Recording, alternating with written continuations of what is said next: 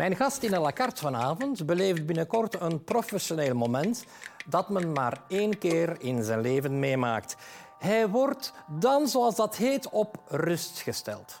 Of dat betekent dat een bezige en veelzijdige bij als hij die toegestane rust letterlijk gaat opnemen, durf ik ten zeerste te betwijfelen. Het is me een hele eer om het te hebben over zijn rijk gevulde carrière met Robert Esselings. Wat denkt u nu van Brussel? Is Brussel een hellhole? Lukt er niets in Brussel? Hoe gaat het nu met Brussel? Goed of slecht? Gaan we nu vooruit of achteruit? Een stad waar te veel auto's zijn? Of zijn de fietsers te arrogant? Wilt u er komen wonen of willen jullie juist weg? Robert Tesselings, welkom bij à la carte. Bedankt. Je staat aan de vooravond van je pensioen. Ja. Uh, het is onvermijdelijk, maar het is toch een beetje een moment van uh, bilan en van achteruit kijken. Iemand in jouw positie die zo'n rijke journalistieke carrière heeft uh, doorgemaakt. Mijn, mijn, eerste vraag is toch wel onvermijdelijk. Hoe heb jij Brussel zien veranderen van de tijd dat je begonnen bent bij TV Brussel tot het huidige Brus? Die stad is toch heel anders dan toen. Ja, ik zou zelfs zeggen van veel vroeger al kan ik misschien een, een schets maken. Maar laten we zeggen dat in de jaren 90 dat men daar uh, een ongeveer 900 à 950.000 inwoners had.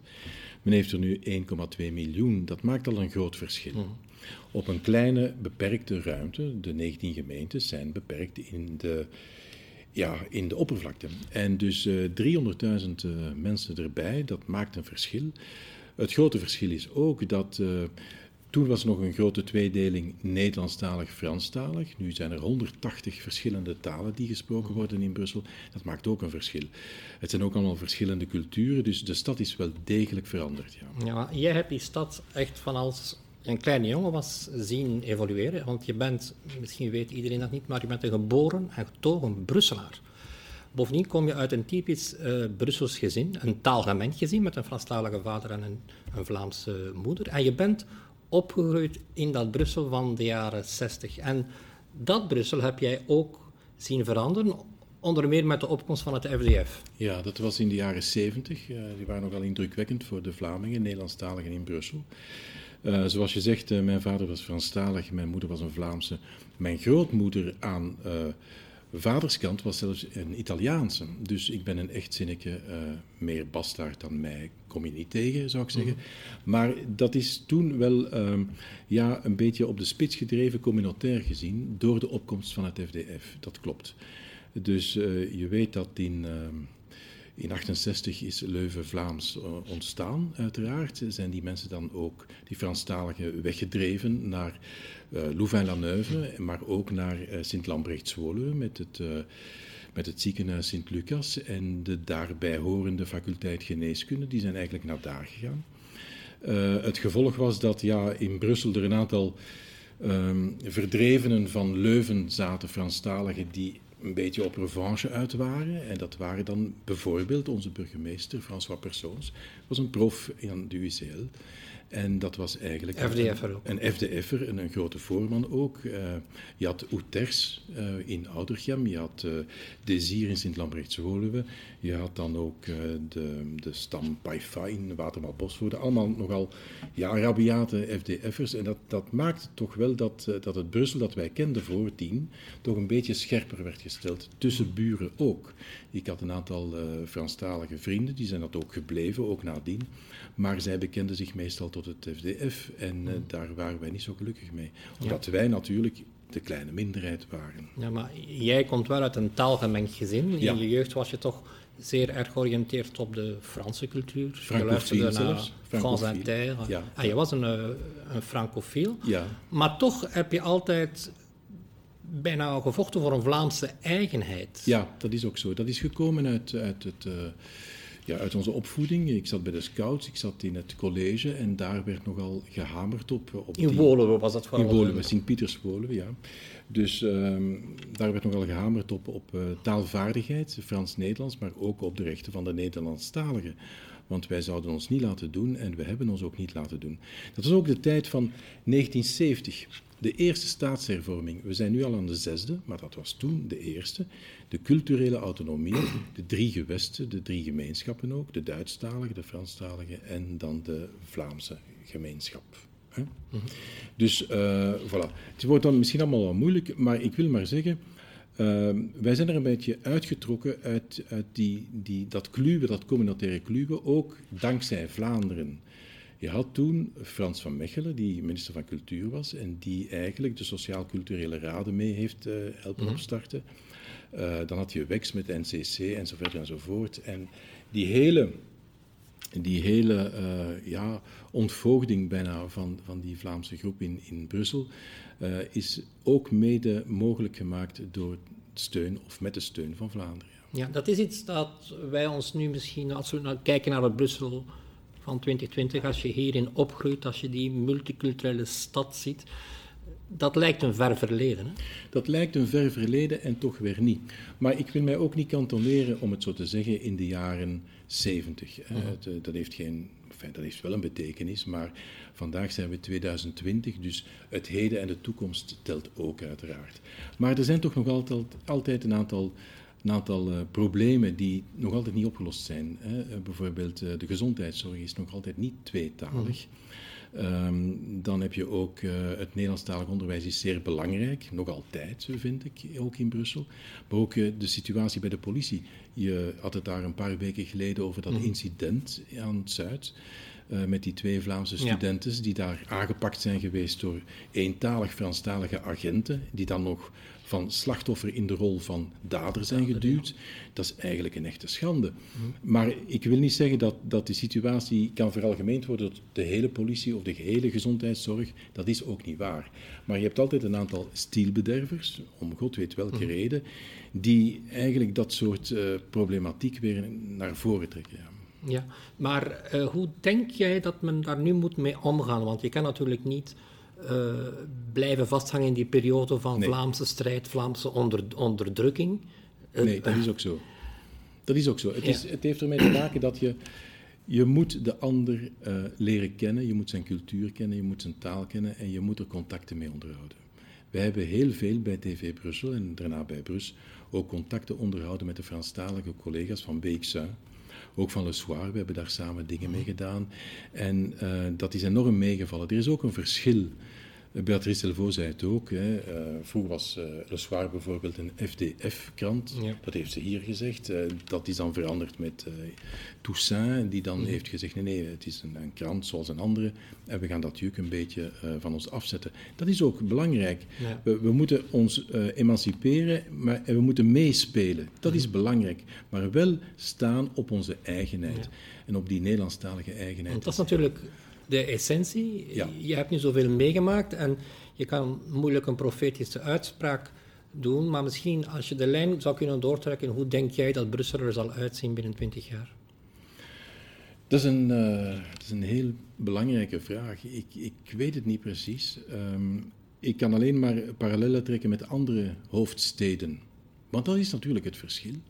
Het is het Brussels hoofdstedelijk gewest. Ja. Het is het Vlaams gewest en het Waals gewest maar het Brussels hoofdstedelijk gewest. Dus als Brussel nog een belangrijke rol wil spelen in dit land, kan het zich niet gelijkstellen met een gewest cour te zijn.